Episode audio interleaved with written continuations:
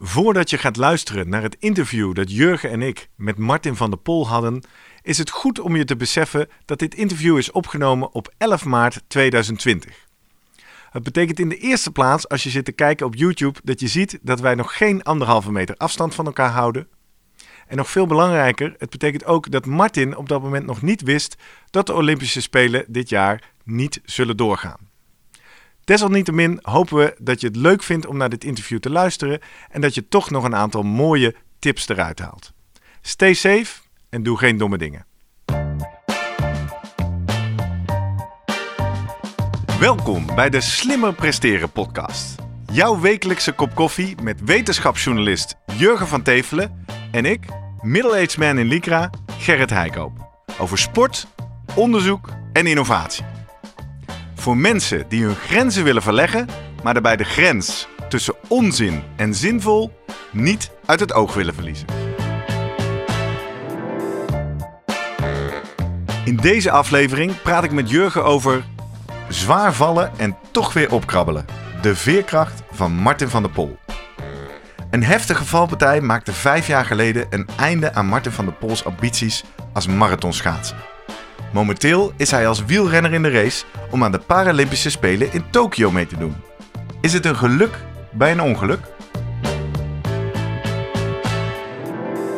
Voordat we beginnen, nog even drie dingen om aan te denken als jij zelf ook slimmer wil presteren. Nummer 1. Druk nu gelijk even op abonneren, zodat je altijd direct in de gaten hebt wanneer er een nieuwe aflevering online komt. Nummer 2. Weet dat je Jurgen en mij ook kunt boeken voor jouw volgende bijeenkomst als spreker of presentator. Neem gerust eens contact met ons op via de contactgegevens hieronder. En 3. Deze podcast wordt geproduceerd en gesponsord door Live Online Events. Serieus goede content rondom jouw congres of event. Check www.loe.tv voor meer info.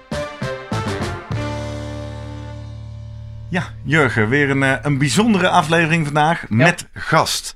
We gaan zo praten met uh, Martin van der Pol. En jij hebt al een aantal keer over hem geschreven. Klopt. Hoe heb je hem ontdekt? Ja, zoals dat gaat. Via via. Ehm, ik denk dat ik een paar jaar geleden door Aart Stichter... Die had ik geïnterviewd. Ik was op zoek naar lokale uh, sporters. En hij zei, je moet uh, ga eens bij de familie van de Pol kijken in Amerongen. Hele sportieve familie van schaatsers. En eigenlijk via hem kwam ik erachter dat het inderdaad een sportieve familie is. Uh, Peter van der Pol is volgens mij de oudste broer, gaan we het zo wel, horen we zo wel. Uh, schaatser. En dan, uh, maar hij zei ja, die jongste van hun, ja, dat is een ander verhaal. Nou, en daar is het begonnen. nou, ik denk dat we het daarover gaan hebben. Die heeft inderdaad een ander verhaal. En juist omdat we in deze podcast uh, met de special guest altijd besloten hebben, we gaan voor de bijzondere verhalen, denk ik dat het verhaal van uh, Martin daar prima onder valt. Ja. Dus we gaan luisteren. En met een mijlpaal, want misschien hebben we wel de eerste Olympische atleet hier in onze kleine podcast zitten. Dus, Wie weet, uh, ja. Martin van der Pol, welkom. Ja, dankjewel, dankjewel. Wat leuk dat je hier wil zijn vandaag. Ja, ja ik vind het ook heel leuk, zeker. Ja. Ja. Jij bent op, de, op weg naar Tokio. Ja. Uh, de Olympische Spelen 2020. Ja. Maar. Paralympische Spelen. Paralympische. Spelen, ja. En uh, eventueel, uh, nee, niet eventueel. Als je gaat, dan ga je als wielrenner. Ja. Maar ja, we horen net al van, Jog, van Jurgen, je bent ooit begonnen als schaatser. Ja, klopt. Ik denk dat jij dit verhaal inmiddels tot in den treuren hebt verteld. Maar misschien voor de kijkers en luisteraars die dat verhaal nog niet kennen. Neem ons eens mee terug naar die bewuste zaterdag in 2014 is het, hè? Ja, uh, 25 oktober 2014 inderdaad. Ja, dat, uh, dat heeft mijn leven wel veranderd. Ja. Ja, ik, uh, ik was als marathonschaatser in Tialf voor de tweede wedstrijd van het seizoen. Ja. En ehm, eerste wedstrijd een beetje verprutst. Ja.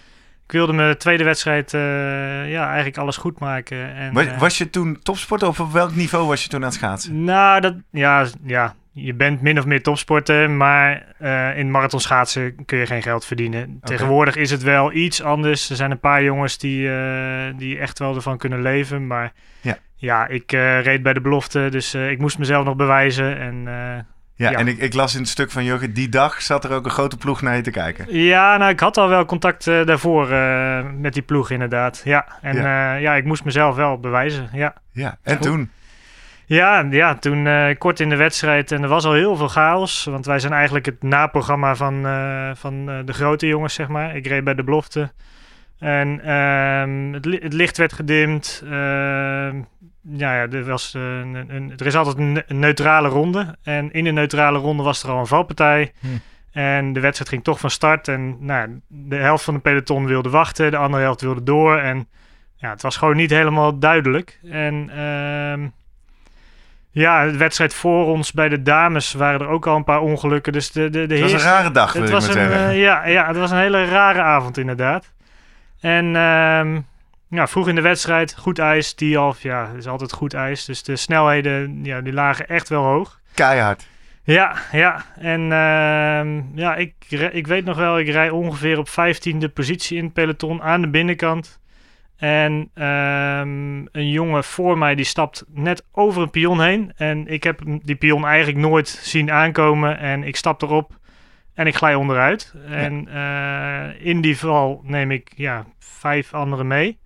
Die En- buiten je reden, naast je reden. eh, Ja, ja, want peloton was op dat moment ja, iets breder inderdaad, omdat het ja, nog het Begin begin, van de is. wedstrijd. Iedereen, is, iedereen is nog fris. En eh, nou ja, in die val neem ik vijf anderen mee. Beland ik in de boarding. Ik schiet ook weer terug. En ja, dan eh, slaat de paniek wel toe, want ik zag bloed spuiten. Meteen al. Meteen. Ja. Ja, ja, ja. En dat is altijd, eh, ja, nou, altijd. Ja. Dat is geen goed teken. Niet goed. Nee, nee, nee. nee.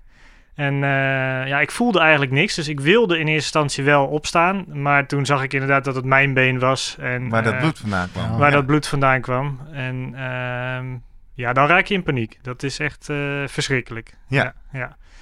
ja, Wat was er gebeurd? eh, ja, een van die jongens heeft dus eh, ja, vermoedelijk met een gestrekt been in de boarding mijn knieholte geraakt. Mijn linker knieholte. Ja.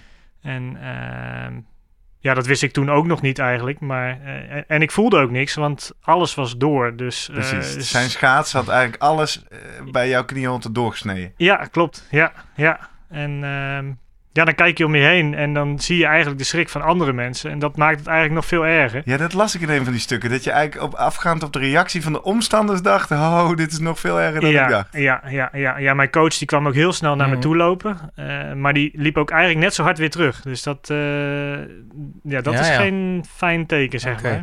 Dus, eh, Was er dan paniek of werd er gewoon doorgeschaatst? Of hoe, hoe gaat dat? Jij Nou ligt ja. daar eh, in de boarding met een aantal anderen en er is een plas bloed. ja, En er is, eh, nou wat je zegt, paniek. En, en waarschijnlijk wat supporters. Het zal niet bomvol zijn geweest. nee, maar- nee, het was, nee. Niet, eh, het was niet druk, nee. Maar wat is dan niet, eh, neem ik aan, dat een wedstrijdsecretaris meteen iets zegt, affluiten die boel? Of, ehm, Ja, het peloton werd ook gelijk eh, stilgelegd, Ja. dat wel. Maar ja, die komen dus de volgende ronde, komen ze allemaal langs. En eh, ja, daar die- zie je ook aan dat die jongens, die waren er ook allemaal klaar mee. Ja. Dat, dat, is, dat hebben ze later ook verteld eh, tegen, tegen mij en tegen Ja. anderen. Dat iedereen wist wel hoe laat het was. En Mm. niemand dacht er ook maar überhaupt aan om door te gaan. ja, Behalve de competitieleider van dat moment. ja, ja. Ja, ja? Ja, ja, die heeft zelfs geroepen van eh, haal hem snel van het ijs af. En Dan kunnen we eh, weer dan verder. kunnen we weer Ja. verder. Dus Ja. eh, ja. Oké. Ja. Je bent van het ijs afgekomen, want je zit hier. Dus hoe, hoe, hoe ging het verder? Ja, ja, ja, gelukkig wel, inderdaad. Eh, nou ja, Maar daar heb je aan getwijfeld, hè, lees ik. ehm, ja, zeker. Ja, ja. Ja. Ja, ja, maar niet op dat moment eigenlijk. Ja, eigenlijk ook weer wel, maar niet bewust, zeg maar. Je bent, ja, je, er kwamen wel mensen naar mij toe, dus ik werd uiteindelijk wel geholpen. Ja. Eh, er is een service medical, eh, ja, EHBO zeg maar, die, die, die loopt rond de baan en die kwamen bij me, maar die sloegen ook dicht. En dat Ja, was wel, ja. eh, was wel lastig. Dus wie ging handelen? Wat gebeurde er? Nou, ik heb dus het geluk gehad dat, eh, dat er een ambulancechauffeur als toeschouwer eh, in het publiek zat. Eh, deze jongen die is eigenlijk gelijk eh, tijdens de val is hij al gaan rennen met zijn riem uit zijn broek. Hm. En eh, heeft eigenlijk mijn bovenbeen afgekneld. Ja. Eh, mede ook omdat het bij de dames ook al fout ging. Daar was ook al een valpartij. En, Ook met bloed. nou ja, ja, maar niet zo ernstig. Ja, precies. Ja. Maar hij was op zijn kievieven. Ja, Ja. hij, hij, hij stond op scherp. Ja. Ja. ja, ja. En ehm, ja, dus eh, hij is daarheen gekomen. Maar er was ook nog een militair in het publiek, eh, maar die zei niet zoveel. En die heeft later ook nooit zo heel veel eh, contact gezocht of, of, of gelegd. Ja, ik- ja. Maar die twee hebben dus echt adequaat eh, gehandeld. En Ja. ervoor gezorgd dat, dat het- het bloeden in ieder geval gestopt werd. Ja. Ja. En daarnaast heb ik geluk gehad dat mijn broer ook eh, aanwezig was. Die had net daarvoor bij de topdivisie gereden en eh, was eigenlijk bezig met schooling down. En die hoorde het dus. Die werd eigenlijk gelijk geroepen door iedereen. En eh, die is naar mij toe komen rennen en heeft op mij ingepraat. En ehm, ja, eigenlijk ervoor gezorgd dat ik rustig bleef. Want ja, dat is wel belangrijk. Ja. En Ja. dat was ik ook helemaal kwijt, de rust. Dus, eh, En dat was Peter, hè? En we zeiden Ja, er net al precies. hoofdschudden, dat is niet jouw oudste niet, niet de oudste broer, wel de ene oudste, Ja. maar dat maakt niet uit. Nee. Ja. Ja, ja dus die, eh, die kwam bij me en die, die begon simpelweg te praten over dat ik nog bij mijn neefje en nichtje was geweest. En daardoor was even mijn hele focus weg Ja, bij ja. dat ongeluk. En, Ja. eh, Ja. Heb jij eerder bloed gezien? Want je, hebt natuurlijk, je kent het verhaal, mensen kunnen heel slecht tegen bloed. Ik neem Ja. aan, dit spoot eruit, dus dit, dit is logischerwijs dat je in paniek raakt. Ik vroeg me af, de, de snelheid waarmee het gebeurde. Praat je over minuten dat die man vanuit, vanuit het publiek eh, kwam en daar met die riem en het afbond? Want ja, je voor, moet snel handelen waarschijnlijk. Voor dat- mijn gevoel was dat inderdaad wel eh, Ja. minuten, inderdaad. Eh, maar uiteindelijk was hij er wel heel snel bij. Oké. Ja, ja, ja. Voordat ik het ijs af was, was weer een ander verhaal. Dat, Ja. heeft, eh, dat heeft echt gigantisch lang Oh geduurd. ja? Ja, want eh, de nooduitgangen die zaten ook nog eens op slot. Niet. Ja, ja, ja. Dus er, was, Ja. er ging heel veel mis die Ja. avond. Ja. ja. Oké, maar in, in, toen eenmaal was de paniek wat was minder. Eh, het bloed was eh, wat in ieder geval deels gestelpt. het Ja, ja, was het paniek minder? Nee, de Nee. paniek was eigenlijk niet minder, omdat ik al heel veel bloed had verloren. ja. En, en dat was nog wel, eh, dat kon ik ook echt om mij heen zien. En Ja. no- normaliter is het ook niet gebruikelijk dat eh, iemand meegaat in de ambulance. Eh, maar mijn broer is er wel, ja, die heeft alles. Je mocht erbij ja, blijven. die Ja. mocht erbij blijven, omdat het echt cruciaal was. En eh, ja, achteraf gezien heb ik ook gehoord dat, ja, dat het eigenlijk heel gek is dat ik het überhaupt overleefd heb. Omdat ik echt wel te veel bloed had verloren. Dus dat, eh, ja, ja. En dan eh, lig je in een ziekenhuis in Groningen. Ja, En dan word je dan, eh, je bent de hele nacht geopereerd, lees ik. En dan Ja. word je wakker Ja. als jong, eh, je was 21 op dat moment. nee, hè? 23. 23 ja. al, oké, ja, oké, ja. 23. Ja. Sluimerende topsportambities. Ja. En opeens lig je daar met een ernstig ongeluk in een ziekenhuis. Wat denk je dan? Ja, ja, nou ja, op dat moment de eerste reactie was, wow, ik leef nog. Want ja, in, toen ik in de ambulance terecht kwam, toen heb ik wel echt rare dingen gezien. En eh, ja, rare dingen, ja, wat zie je dan? Eh, ja, geen idee. Ik kan het niet uitleggen, maar tunnels en Ja, zwart. hallucinaties. Ja, Ja, oké. ja, ja, ja. En eh, nou ja, paniek inderdaad. En, eh, dus mijn eerste reactie was wel, eh, dat was het laatste waar ik bij ben geweest. En Mhm. dan word je wakker en dan, wow, ik leef nog. Mhm. Op een rustige plek, zeg maar. Dus het was de intensive care. Maar ja, ook direct eh, ging ik over mijn nek. En eh, ja, Ja, ja. er was wel een, een hoop aan de hand, zeg maar. Ja. ja. Toen was je broer er ook nog bij, neem ik aan. eh. Nou, hij niet. Eh, mijn oudste broer die kwam aanlopen samen met mijn vriendin. Ja. En eh, nou, dat, was, dat is eigenlijk best wel grappig, vond ik. Maar mijn broer die, die ging even onder de stellage kijken hoe mijn been eh, eruit Ja. zag. Maar die ging toen ook bijna over zijn nek. ja. Niet? Ja? van, Oh. Ja. oh. ja. Ja, ja, goed, ja. Maar ja, dat, dat was 2014. ja. Ja, ja. Eh, wat, wat gebeurt er eh, vervolgens met jou dat we nu hier met je zitten op weg naar Tokio? Hoe, hoe vat je die jaren te- daartussen samen? Ja, nou ja, ehm, sport was altijd wel mijn, mijn ambitie. En ik ja, ik kom van een boerderij, dus veel bewegen heeft er altijd wel ingezeten. En eh, nou ja, net wat Jurgen net zei, uit een sportieve familie. Dus eh, ja, het, het, het, zit, het zat erin. En ik wilde dat ook heel graag weer. Want als je, ja, ik heb bijna, ja, ik was bijna dood, zeg maar. En dan ga je kijken naar wat, wat zijn je Ja. mooiste herinneringen. En, Ja. en mijn mooiste herinneringen waren echt wel alles met sport, zeg maar. En, en ook het wielrennen. Eh, ik, ik, Maar dat deed je toen ook al, hè? ja, op mijn zestiende was ik begonnen met wedstrijden fietsen. Ja, Oké. ja, ja. En eh, nou ja, ook in het eh, buitenland geweest, etappekoers gereden. En ja, dat, eh, dat is zo'n mooie ervaring dat je eh, eigenlijk met een stel vrienden op pad gaat en eh, ja, een, een maximale prestatie gaat leveren. En ja, dat, dat wilde ik weer. In eerste, eerste instantie wel gevraagd aan de artsen van, joh, zou het nog mogelijk zijn om te kunnen schaatsen?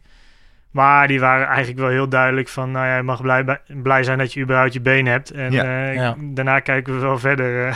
Ja. Want dan praat je over, eh, ik heb met jou, jouw eerste interview hebben we in Amerongen gezeten, in dat eh, fietscafé. eh, ja, ja, Daar kan ik me, de proloog Ja. zeker, dat, dat kan ik me goed herinneren. En eh, daar hebben we het natuurlijk uiteraard ook over jouw eh, ongeluk gehad. Daarna de revalidatie. Hè. In Doorn heb je lang gezeten, Ja, militair eh, eh, hospitaal daar, of in ieder geval revalidatiecentrum, Ja. Ja. en dan op het eind kwamen we eigenlijk uit. Toen sprak jij, eh, en ik weet niet hoe, hoe, lang geleden dat ongeluk toen precies was. Maar toen sprak jij eigenlijk al heel, heel erg uit van ja, ik heb mijn zinnen op het wielrennen gezet. Ja.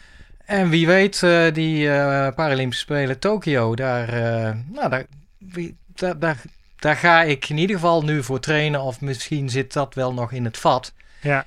En ja, dat, dat maakt het zo. eh, dat, ja, op dat moment dacht ik, nou ja, goed, ik was nog helemaal onder de indruk van jouw, eh, jouw eerder verhaal natuurlijk. En ik, ik vond het hartstikke mooi dat jij weer een, eh, zin in het leven, een sportieve doel had in dat leven. En in de tussentijd blijf, ben ik je wel een beetje blijven volgen. We zijn elkaar ook tegengekomen bij de Ronde van Midden-Nederland.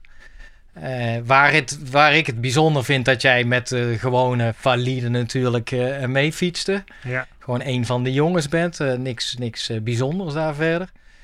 Maar ja, schetst mij mijn verbazing dat ik vorig jaar toch ineens in mijn Twitter-tijdlijn iets te lezen krijg over een, een WK, een medaille voor Martin van der Pol. ja. En toen ineens dacht ik, wauw, hij, nou, dat idee van Tokio, misschien eh, dat is serieuzer dan eh, dat ik toen eh, gedacht heb.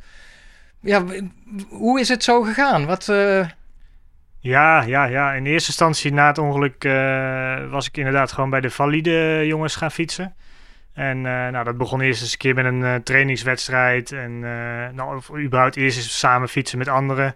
Dan met een trainingswedstrijd. En eh, ehm, vervolgens ja, ga je dat uitbreiden. En ehm, ging ik eigenlijk al vrij snel weer ook een, een, een wedstrijd rijden bij de elite. ja. In eerste instantie... eh, Want dat kon. Jouw been herstelde in die mate dat je in ieder geval ge- weer gewoon kon fietsen, of niet? nou, de- Iedereen wil natuurlijk weten, je bent Ja. para, para-atleet. Wat, Ja. wat heb jij? Ik Ja. snap, je bent je handicap niet, maar wat, wat heb je nu nog... Wat heb je nu nog voor last daarvan? Nou ja, nu heb ik nog dat eh, ik eigenlijk mijn hak naar mijn bil kan ik ja, nauwelijks optrekken. Eh, mijn, mijn, mijn hamstrings zijn zo verkort doordat al die pezen niet zo lopen zoals het zou moeten lopen. Ja.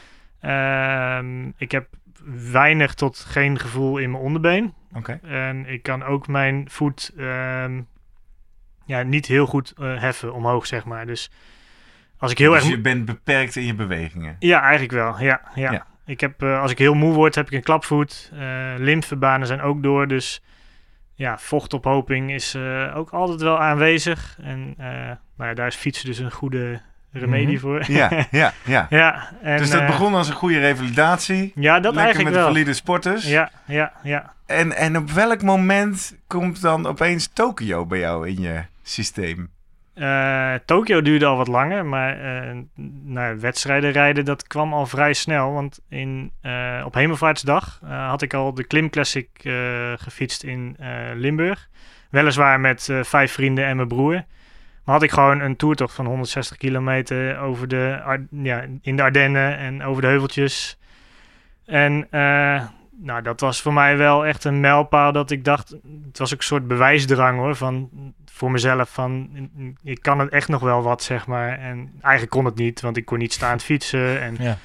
ja, het was eigenlijk niet verantwoord, maar ik wilde het zo graag. En eh, dat heeft wel iets veranderd in mij, dat ik denk van... Ja, waarom zou ik ergens stoppen als ik... eh, ja, als ik echt een doel heb, waarom zou ik dat, dat niet kunnen bereiken, zeg maar. Ja.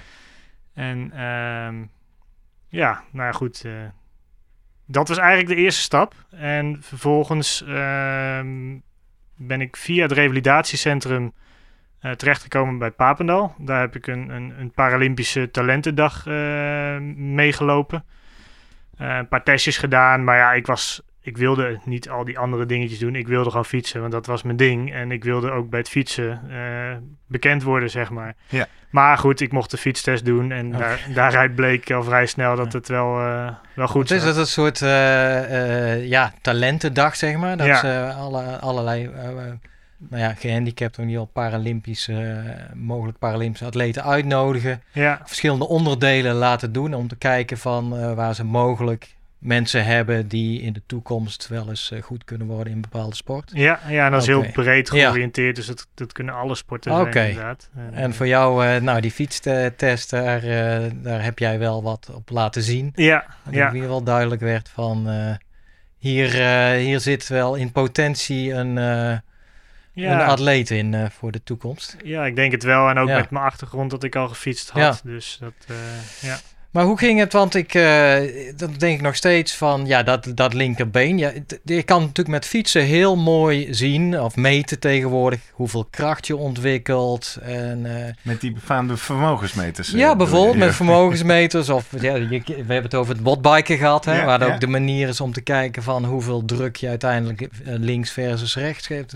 Ja. Die getallen, zijn die bekend bij jou? Ja. Of, eh, en, en verbeteren, kun je die nog verbeteren? Of is dat, eh, Ja, wordt daar specifiek op getraind juist? Ja. nou ja, ik heb inderdaad een vermogensmeter ook met eh, links-rechts verschil. Ja. En ehm, nou, eigenlijk vrij snel viel het me op dat, het, dat, dat de balans best wel weer goed was.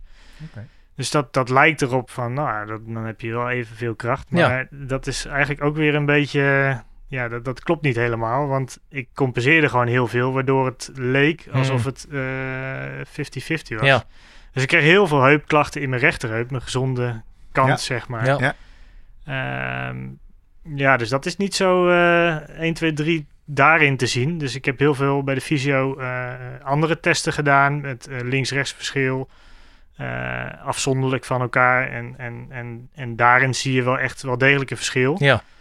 Ehm, dus daar ben ik heel erg ja, druk mee aan de slag gegaan. Dus ook met krachttraining. Eh, ik ben een wielrenner die ook krachttraining doet. N- Ja, er zijn er wel meerdere natuurlijk. Maar voor mij is dat wel echt ook een, een belangrijk Ja.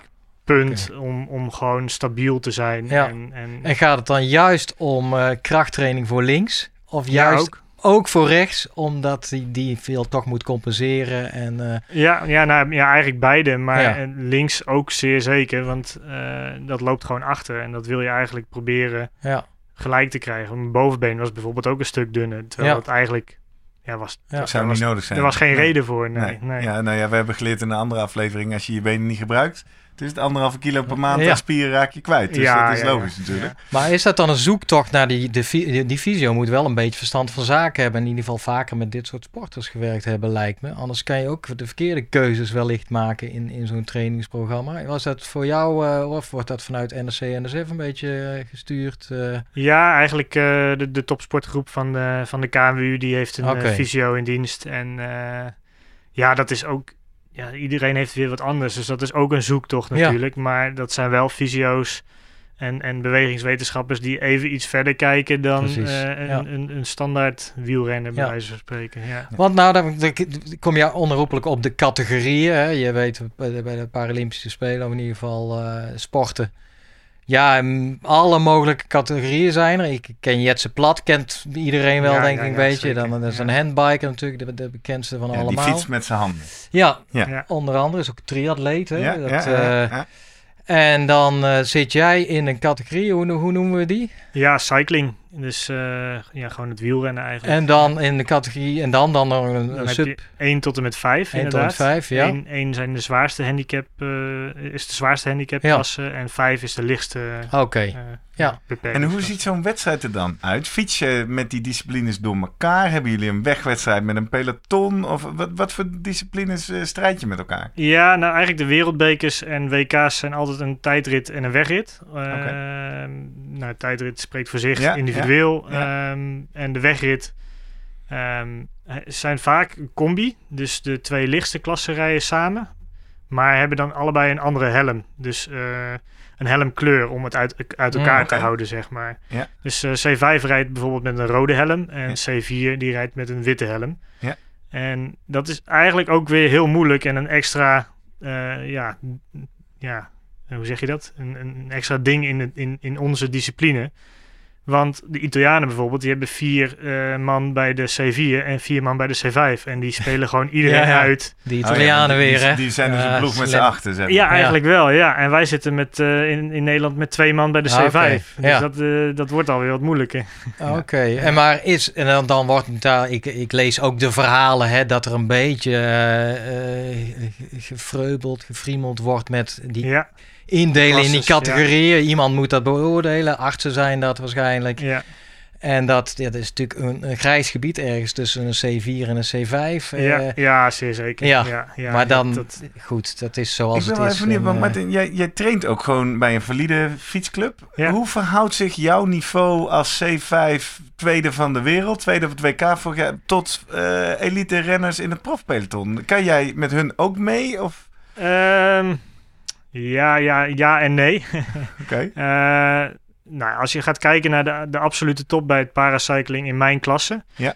Uh, is iedereen eigenlijk ook betaald wielrennen bij de valide jongens. Dus ik ben eigenlijk de enige. Wacht even. Serieus? betaald ja? wielrenner, ja. dus prof bij de valide. Dat betekent ze zitten bij een Movistar of een Quickstep in de ploeg. Nou, de iets kleinere ploegen, dus continentale ploegen en. Uh, ja, de continentale dus die zijn gewoon proefwielrenner bij een continentale ploeg en pakken als bonus soort van even de medailles in de para Paralympics mee, bij ja. wijze van spreken. Ja, ja, eigenlijk wel. Ja, ja. En hoe is dat voor jou? Jij, nou, jij, jij kan met hun mee en je kan van hun winnen. Ja, ja, maar dat is, kijk, qua absoluut vermogen ben ik niet een uh, uitzonderlijke Paralympische wielrenner. Oké, uh, wat, wat is jouw geheime wapen dan? Ja, ik denk toch meer het, het, het brede plaatje, dus het mentale aspect, uh, voeding, ja, periodisering, eigenlijk alles. En het spelletje ook vooral. Uh, in, je kan gewoon goed koersen. In de wegkoers, uh, ja, ik denk dat, dat dat is niet uit te drukken in cijfers, maar ik zit wel vaak goed. Dus ja, dat, ja, uh, Beter dan de, de, tijdrit, dan, dan, ja, dat is niet jouw sterke punt dan. Puur nee, nee, daar dan, het wordt wel steeds beter. De maar... fysiek voor.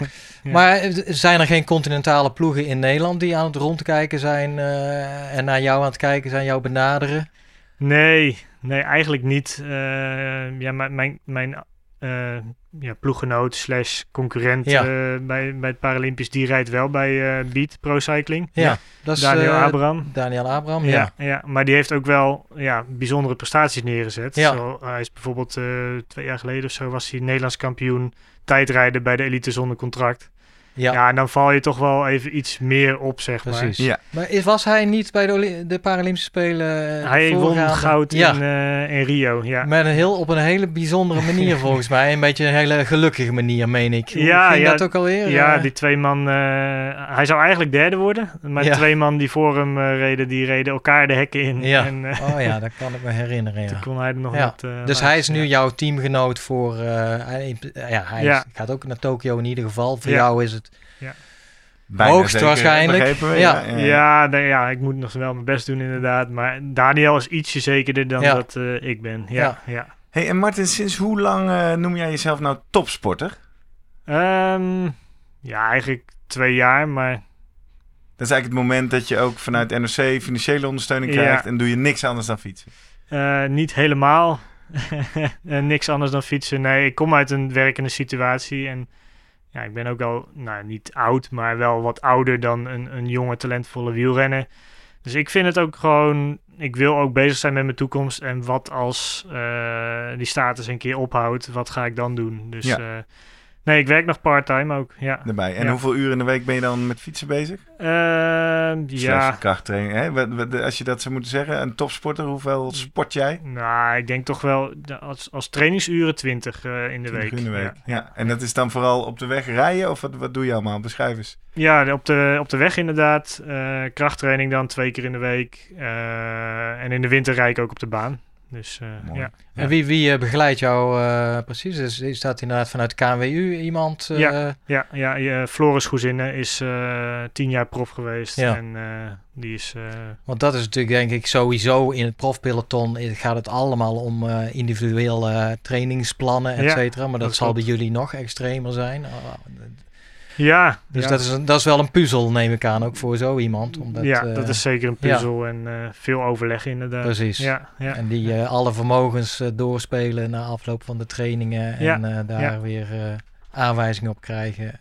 Klopt, ja. Nou, dat is wel een mooi bruggetje, want uiteindelijk in deze podcast zijn we natuurlijk op zoek naar de lessen om slimmer Ja. te presteren als amateurs. Dus we Ja. hebben jou nu een beetje leren kennen. We begrijpen een beetje wat je doet en, en over je discipline. ja. En dan hoor ik net al een paar dingen waar ik denk, hé, hey, misschien zit daar iets. Jij zegt, ik ben misschien niet de allersterkste en de snelste, maar mijn kracht zit hem in het mentale. ja dat nou, die wil ik wel eens uitrafelen. Wat, wat doe jij mentaal waardoor jij slimmer presteert dan je concurrenten?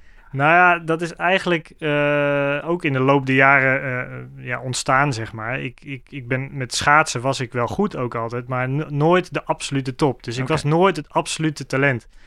En eh, toch ben ik altijd wel doorgegaan. En ik denk, nou, dat ongeluk heeft mij daarin geholpen om echt door te gaan. En ehm, ja, ik, ik geef niet zo snel op. eh, heel simpel gezegd. En misschien ook, een boerderij heeft ook nog wel een, een achtergrond daarin.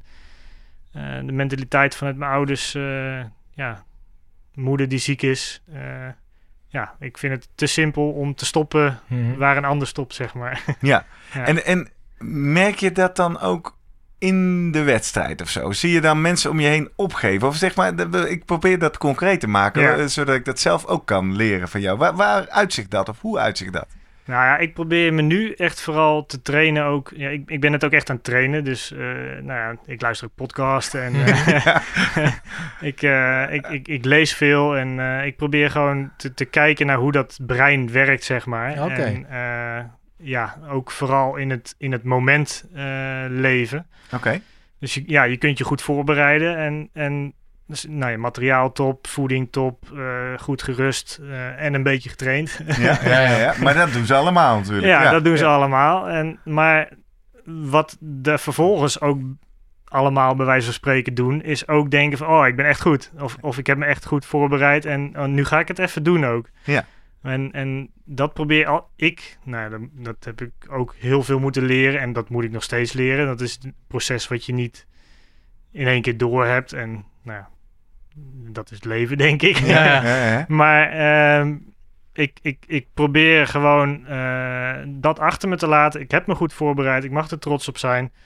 Eh, en, en nu is het gewoon koersen. En waarom doe je het? Dus het, het, het spelletje, ehm, ja, het startschot gaat. En vervolgens wil iedereen demereren enzovoort. En ja, ik, eh, ik probeer te genieten in het moment, zeg maar. En, en mijn hoofd koel te houden. Want ook in een wedstrijd of een koers kun je heel erg druk maken. Nou, als jij bijvoorbeeld eh, over de dijk rijdt naar Wijk bij Duurstede en je wil dat bordjesprint halen. Ja. Met z'n vijven. eh, Ja. Dan wil iedereen dat. En dan ga je van tevoren al druk maken, druk maken, druk Ja, ja. maken. Ja. Eh, van, oh, da- daar komt hij. Wanneer moet ik aangaan? Wanneer moet ik aangaan? Maar dat probeer ik dus uit te zetten. Van. Wanneer ga je aan? Dat, dat moment, dat komt wel. Dat is... Ja, ja, dus je zegt als het ware actief tegen jezelf. Gewoon lekker fietsen, op de fiets zitten. eh, niet met die koers. Nou ja, Ik herken hem wel als het, zo, als het zover is of zo. Ja, eigenlijk wel. Dat, dat, dat moet je dus, ja, denk ik ook wel trainen. Maar ehm, het moment is niet altijd hetzelfde. En, Ja. Dus eigenlijk de ultieme vorm weer van eh, energie. eh, de energiepuzzel, energie Ja. sparen. Door eigenlijk niet toe te geven aan dingen waar je energie kan verspillen. Door van tevoren al je druk te gaan maken over. Ja. Ik hoor eh, optimale voorbereiding eigenlijk wel. En continu bezig zijn eigenlijk met je sport. Willen verbeteren. Ja, dan kom je toch weer misschien bij dat, eh, die zelfregulatie, denk ik. Regie houden Ja. over je eigen sportcarrière. ja. Wat ik me dan afvraag, haal jij ook, je haalt hulp van nou, podcasts, eh, internet, boeken. Ja. Je spreekt mensen, neem ik aan. Ja. Eh, maar eh, loop je ook, bijvoorbeeld heb je een sportpsycholoog wel eens geprobeerd? Eh, de andere trucjes die er zijn, een koptelefoon op van, eh, met hersenstimulatie, om eens wat te noemen. Daar hebben we het al eerder in de podcast natuurlijk Ja. over gehad. Ja, ja. Maar eh, ja, sta je open ook voor dat soort dingen? Of, ehm, Ehm, ja, ik denk het wel, maar ik heb het nog niet nodig gehad nu in ieder geval. Eh, wie weet later, geen idee. Ja. Eh, ik, ik was zeker ook geïnteresseerd van die, van die koptelefoon. Ja, hè, voor, ja. De, voor de mensen die voor het eerst kijken of luisteren. Aflevering 4 hebben wij het gehad over een koptelefoon. Magische koptelefoon. Ja. Die door middel van stroom door je hersenen je beter zou laten presteren. Dus Ja. dat zijn wel dingen die je dan kent of op het spoor komt, daarover gaat lezen. In Ja. ieder geval in, eh, om, om maar te kijken, zijn er maar manieren om inderdaad ook dat mentale stuk ook steeds nou ja, sterker in te worden. Ja, ja. Ik ben nog wel even hongerig, Jurgen. Eh, Ja. Want eh, in de koers snap ik. Oké, laat je niet gek maken. Ga weg van al die eh, niet helpende gedachten. Ja, Je moet ook een tijdrit rijden. ja. Ik ben ook triatleet, dat moet ik ook in mijn eentje. Heb je daar nog mentale tips of, of dingen ontdekt de afgelopen twee jaar als topsporter die je daar beter maken? Oei, ja, ik heb eigenlijk pas sinds deze winter een beetje door hoe je goed moet pacen. Dus nou, dan, tel me, eh, tel me, tel me. Wat heb jij geleerd? Nou ja, eigenlijk heel simpel rustig beginnen. Oh, daar hebben we hem weer. Ik zei het, Gerrit, hè? Conservatief beginnen. Ja. Maar was jij dan ook... eh, we hebben toevallig een aflevering opgenomen over pacen... waarin ik heb bekend dat ik dat niet kan. Ja. Maar dat was ook jouw valkuil. Je begon ja, te hard. Ja, ik heb een chronische zelfoverschatting. Dus eh, Ja. Ja, kijk. ja, de wegwielrennen, die wilde gelijk invliegen. En die wordt Ja. een startschot, of, of nou ja, in, in een tijdritgeval wordt afgeteld. Maar eh, ja, ik denk- dan, dan ga ik weer denken van, oh, ik heb goed getraind. Ja. Eh, De fris? ik, ik ben fris. Nou ja, de ene keer rijd ik zoveel wat. Maar misschien op een goede dag kan ik wel eh, nog meer wat. En dan ga ik toch altijd weg op dat nog meer wat. Terwijl dat, ja, dat, dat- dan, dan kom ik mezelf altijd te- weer tegen. Oké, zeg maar. toch Ja. Ja. Dus, hamvraag. Wat heb jij deze winter geleerd? Waarom je denkt dat jij eh, komend seizoen... en met name in Tokio jezelf beter kan pacen? Eh, toch die blokken gewoon vaak doen. En, Ja. eh, De blokken in dat ja, pace met je dat wil rijden. pace tempo. 20 minuten bijvoorbeeld. En eh ja, gisteren toevallig heb ik ook weer zo'n training gedaan. En ja, normaliter zou ik gelijk hard willen om, om, om dat gemiddelde wattage zo hoog mogelijk te krijgen. Maar ik merk nu steeds vaker dat als ik hem eerst gewoon eh eraan wen, aan de weerstand, vervolgens ietsje versnellen, nou, af en toe eh, nog iets harder en dan weer iets terug. En ja, vervolgens uiteindelijk eh, naar het einde toe echt maximaal. Ja, dan kom ik op veel hogere wattages dan, dan wat ik daarvoor deed. Dus dat is echt wel... eh, Dus je Ja. zegt, ik ben heel bewust daarmee aan het oefenen... en daarmee aan Ja. mezelf aan het bewijzen... en mentaal aan het trainen... dat dit wel degelijk een goede aanpak is. Ja, ja, want je gaat ook, ja, je, je moet het ook gewoon veel doen, want ook dan ga je weer nadenken. En- Want in zo'n tijdrit is er veel meer om over na te denken. Ja. Want het is, Ja, ja, juist. Ja. je bent ook alleen maar met jezelf... en je Ja. hebt geen eh, koers om je heen. Ja, heb je daar ook nog een soort mentale strategie voor? eh, van eh, een, een boodschappenlijstje wat je afwerkt? Ja, Eigenlijk, eh, ja, ik- met taken bezig zijn. eh. ja, ik probeer me altijd heel erg eh, te focussen op mijn houding en mijn ademhaling. Mhm. Eh, maar ja, dat, dat, dat, dat lukt nog maar zo, kan ook maar zo lang. Ja. Ja. Ja, ja, dus soms dan, eh, dan zit ik weer iets te veel in dat eh, houding. eh. Oké, ja, nee, de, de- ja, kan ik, ook ik, averechts. ik eh. ben er nog niet Nee, super goed in, maar Ja. het wordt wel steeds beter. Ik, ja, Ja. ja. Want Ja. hoe lang duurt een tijdrit eh, bij jullie eigenlijk? eh, Ja, dat is ja, toch wel 30 kilometer. 30 dus kilometer. dat, ja, eh, nou, dan kun je lang inderdaad, eh, kun je over een hoop dingen gaan ja, nadenken. ja, ja. Wat, wat is, nou- dit vind ik wel leuk. Want je bent natuurlijk eigenlijk... Je zegt, ik ben twee jaar topsporter. Je bent op weg naar Tokio. Je bent hartstikke leergierig. ja. Als jij nu kijkt naar dit jaar ten opzichte van vorig jaar of twee jaar geleden... Wat, heb je, wat zijn nog meer belangrijke lessen die je hebt getrokken als eh, atleet?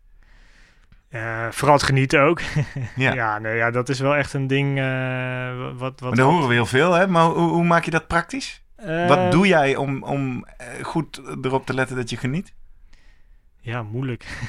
Ja, dan Ja. vraag ik het. Want anders is het zo'n open deur. ja, nee. ehm, ja, geen idee. Ja, ik heb natuurlijk ook dat ongeluk. Dus ja, ik, ik kan elke keer weer terugdenken van... Ja, shit, ik had ook in een rolstoel bij wijze van spreken Mhm. kunnen zitten. Of, Ja, precies. Het feit alleen al dat je in een paratletische discipline Ja, bezig bent, Ja. eh, doet je dat al de hele Ja. tijd daaraan herinneren. Ja, en ik kan af en toe dan ook weer bij de valide meerijden. En dan krijgen mensen weer respect voor je van... Hoe is eh, die gast eh, met eh, anderhalf been, zeg maar, die rijdt mij er gewoon af. Ja, ja. ja, ja, ja, ja. Dus da- daar krijg je dan wel weer moraal van. En daar geniet je dan weer van. En, en, en ja, maar het is ook... eh, ja, eh, als ik eh, s ochtends op de fiets stap... Vanochtend zat ik om negen uur op de fiets bijvoorbeeld. En dan zie je mensen in de auto naar hun werk gaan. En denk van ja, dit is gewoon mijn werk nu. Ja. Dus Ja. dat- ja, Ja. hoe vet is dat? Goed om je heen kijken en Ja. even zien wat je nu meemaakt. Precies, Ja, ja, precies. ja, mooi. Want Ja. zo realistisch ben je wel. Ik- Als schaatser was dat, eh, daar begonnen we mee, was Ja. dat niet, niet gelukt om daar überhaupt je geld mee te gaan verdienen? Nou ja, misschien wel een paar jaar ook Ja. net, net zoals nu. eh, maar ja, misschien ook niet. Ja. Nee. Dat, Nee. dat, dat, dat- hoe naar dat destijds ook was, dat, dat hele ongeluk. Ineens zit jij nu wel in, in een wereld waarvan jij denkt, ja, ik ben topsporter en ik ga naar eh, een Olympische of Paralympische Spelen. Ja, dat is, eh, dat is bijzonder natuurlijk. Ehm, Ja, ik, maar jij zit ook volgens mij wel in een hele goede omgeving. Als ik het goed begrepen heb, is eh, jouw vriendin is ook topsporter. Klopt dat? Ja, dat klopt Kijk, zeker. hier komt de Ja. journalist Ja, boven. en daar kwam ik pas na de later achter. Anders had ik dat in, in het vorige gesprek dat we telefonisch hadden, voor het wel ook over gehad. Eh, klopt, zij schaatst, hè, denk ja, ik. ja, Ja. ja, vrij goed ook. Vrij ja. goed, hè? Ja, misschien eh, dat is ook een verhaal, denk ik. Ja. Maar dat nu is zit weinig. iedereen die kijkt en luistert denken, Ja. wie is zijn vriendin dan? Martin, wie is jouw vriendin? Nou, mijn vriendin is eh, Laura van Ramshorst. En, eh, zij is ook marathonschaatster. Dat heb ik ook leren kennen bij eh, ja, het skileren slash schaatsen. En eh, Was zij dezelfde vriendin die toen ook al bij dat ja, ja, ja, dus Oké. voor mijn ongeluk was ze ook al Ah. bij me. En dat, eh, dat is wel heel fijn geweest. Ja, Ja, ja, ja. ja. Hoe is het voor jou om terug te lopen in die schaatswereld? Want je gaat natuurlijk Ja. kijken bij haar wedstrijden. Je komt bij Ja. marathonwedstrijden, je ziet valpartijen. Ja, Wat ja, doet dat met jou? Ja, in in het begin was dat echt verschrikkelijk. Vooral ook omdat je de nonchalante, eh, ja, of het nonchalante gedrag van anderen zag. Mm. Van, Rondom is- veiligheid en zo. ja, er is een ongeluk gebeurd en eh, we gaan gewoon weer verder, zeg maar. Dat, eh, dat, Ja, ja. Dat, dat knaagde in het begin wel aan mij, maar dat, ja, uiteindelijk moet ik dat zelf loslaten. Ja, want En- heeft die KNSU, hè, die organiseert denk ik die marathons, hebben die hier, hier lering uitgetrokken van, want ik volgens Wat wil je mij, doen? Botten schaatsen? nou, dat zijn andere pakken, meen ik. ja, Volgens mij eh, kan ik me herinneren dat, dat misschien dat pionnetje ook niet goed stond, bijvoorbeeld. Ja, ja, nou, je hebt het over de nooduitgang die eh, geblokkeerd was. ja. En eigenlijk een, geen protocol voorhanden. Niemand wist eigenlijk eh, goed om hier mee om te gaan. Is daar lering uitgetrokken? Is daar iets veranderd? Of is het eigenlijk ja, nou, onderdeel van, ja, van wel, het gebeuren? Ze hebben wel degelijk eh, actie ondernomen. Dus ja, snijvaste pakken inderdaad, helmen. Eh, er is tegenwoordig ook een, een, een betere service medical. Ja, ik weet nu niet hoe het nu heet, maar Ja. een hogere schaal EHBO die ook voor trauma dingen eh, Opgeleid is. Ja. opgeleid. Oké, ja. ja.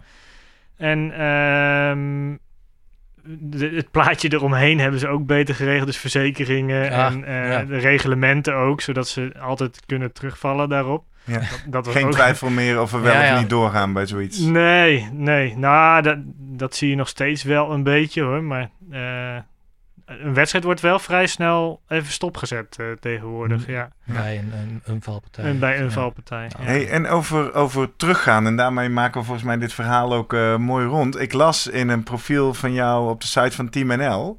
dat die specifieke ambulancebroeder die toen zijn riem uit zijn broek trok Ja. en jouw been gered heeft... dat jij daar nog contact mee hebt. Ja, dat is eh, gewoon een maat van mij geworden. Echt waar? Ja, ja, dat is wel Hoe, echt, hoe hebben jullie elkaar gevonden? Of hebben jullie, is hij altijd bij je in de buurt gebleven? Nou, ik was natuurlijk wel heel en, eh, ja, benieuwd, zeg maar, wie hij nou eigenlijk was. En hij is dus eigenlijk bij mij op bezoek geweest in het revalidatiecentrum.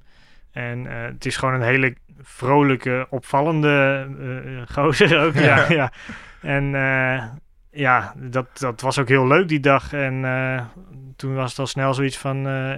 toen sprak ik al uit dat ik wel weer wilde fietsen. En oh, ik heb ook een fiets. misschien moeten we een keer samen fietsen. En, nou, dat hebben we dus ook veel gedaan. Ja? Samen fietsen. En eh, de eerste keer moest hij mij wat helpen. En eh, uiteindelijk moest ik hem helpen. Je bent Dus, inmiddels veel beter. Ja. Eh, ja, ja, ja, ja. Ja. ja, Ja, ja. je denkt natuurlijk, hij luistert. Dus Ja. ik moet hem een beetje inhouden. Ja. Ja. Ja. Nee, maar ja, ja. Dus dat, eh, dat is leuk. En eh, ja, we zijn nu samen ook ploegleider bij een, een marathon schaatsteam. Oh. Dus, oh, echt? Je eh, bent ook echt weer terug in het schaatsen zelf. Ja. Ja, als ploegleider. ja, ja, vond ik wel heel leuk. Want eh, ik, was, ik was er toch altijd vanwege mijn vriendin al om te kijken. En eh, dan sta je langs de baan en dan zit je je op te vreten over tactieken, zeg Ja, ja. maar. Ja, ja. Ja. Ja. Je hebt er wel wat te vertellen.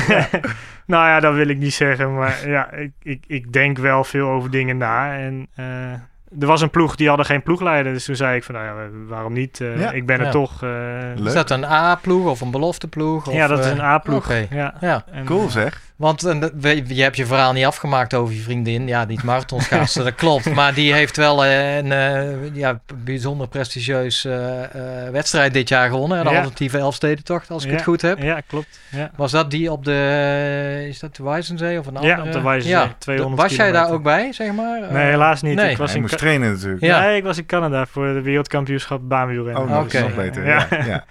Ja. Ja, dat is natuurlijk, eh, nou ja, om dat het verhaal toch rond, dan moet ik ook weer denken aan, aan je broer Peter, Ja. die ik destijds geïnterviewd had en die ook volgens mij hoog eindigde een keer bij een alternatieve. En Ja. de moraal van dat verhaal toen was... nou, als die Elstede binnen nu en, en drie jaar komt... Nou, dan, heb ik zie ik het wel zitten, ja. Ja. Nou ja, dat was... eh, die drie jaar zijn voorbij. Eh, hij zal denk ik nu al eh, over de top zijn voor dat. Hij, hij is gestopt. In, Ja, precies. Ja, ja. Nou, dan heb je natuurlijk nu een vriendin die wel heel hard schaatst. En, Ja. Ja. Martin, nou, onze vorige special guest, ik weet eigenlijk niet waarom we dat dan in het Engels zeggen, Jurgen. Maar Ja. die, die vroegen we ook, eh, dat was Jacobine Eikelboom, en die vroegen op een gegeven moment, hoe kunnen kijkers, luisteraars jou wellicht helpen op weg naar Tokio of überhaupt in jouw carrière? Zijn er dingen die, als je nu toch, eh, wie weet, een wereldwijd publiek eh, op YouTube of op Spotify hebt, Ja. zijn er dingen die mensen kunnen doen om jouw avontuur te ondersteunen? Ja, eigenlijk wel, ja. nou, eh, shoot. nou ja, ja, ik heb sinds eh kort een stichting. En eh, nou ja, het, het- het is eh, geen vetpot. nee. Dus voor materiaal en dergelijke eh, zoek ik nog wel wat sponsoren eh, die mij financieel kunnen helpen. Ja. Oké, Dus, want eh, een stichting, de, de stichting Martin van der Pol, of Ja, wat, ik- wat is dit voor een stichting? ik heb het eh, VDP Cycling genoemd. Dus eh, van de En Pol. wa- wat is, je, wat is je doel met die stichting? Eh, ja, eigenlijk het ondersteunen van de wielrennen en Martin van der Poel. Oh, dat Dus, wel. Ja, ja, ja, Het is nog niet breder en nobeler dan dat. Maar Nee, je moet natuurlijk eerst een topper worden met medailles. ja. En je hebt, eh, mensen kunnen dat vinden via een website is er waarschijnlijk. Ja. En nog eh, sociale media kanalen. Ja, Ja. nu roepen. Ja, ja, Wij zetten het ook Ja. in de show notes natuurlijk. Ja.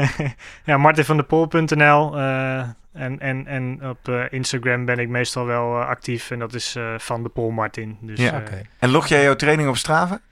eh, zelden. Oh, jammer. Zelden. Anders konden we een kijkje in de keuken. Hè? Hoe, Ja. hoe traint nou een topsporter? Bewust niet? Of, eh, Ja, ik, ja, eigenlijk wel. Ja, bewust eh. Om, om je concurrenten niet wijzer te maken dan Nee, eigenlijk voor mezelf. Wat dan? Ja. Oh, dit, hier zit nog wat interessant als amateur. ja.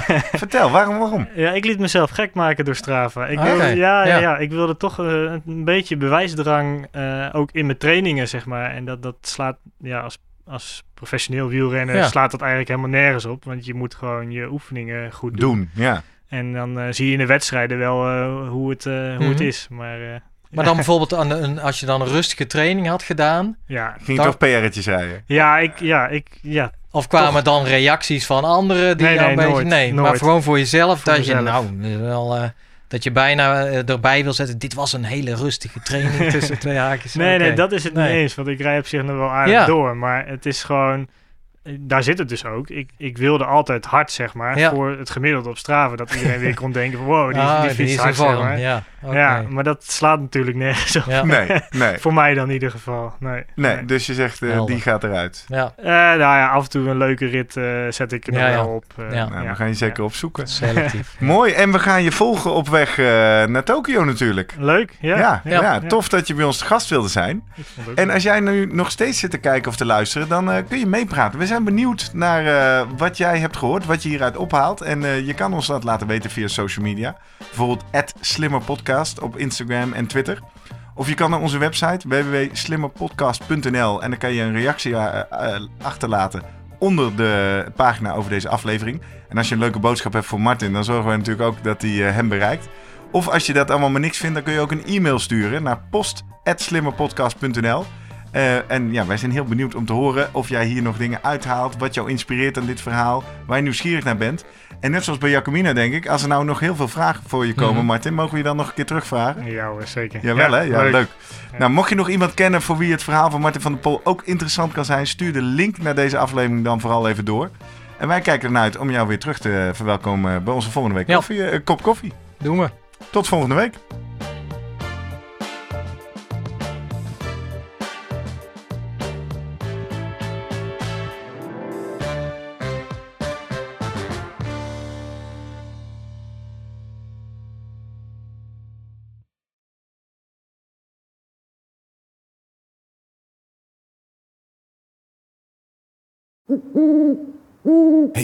Voordat je weggaat, denk er nog even aan uilentorenloop.nl. Dan zien we je de eerste zaterdag van juni. Tot dan!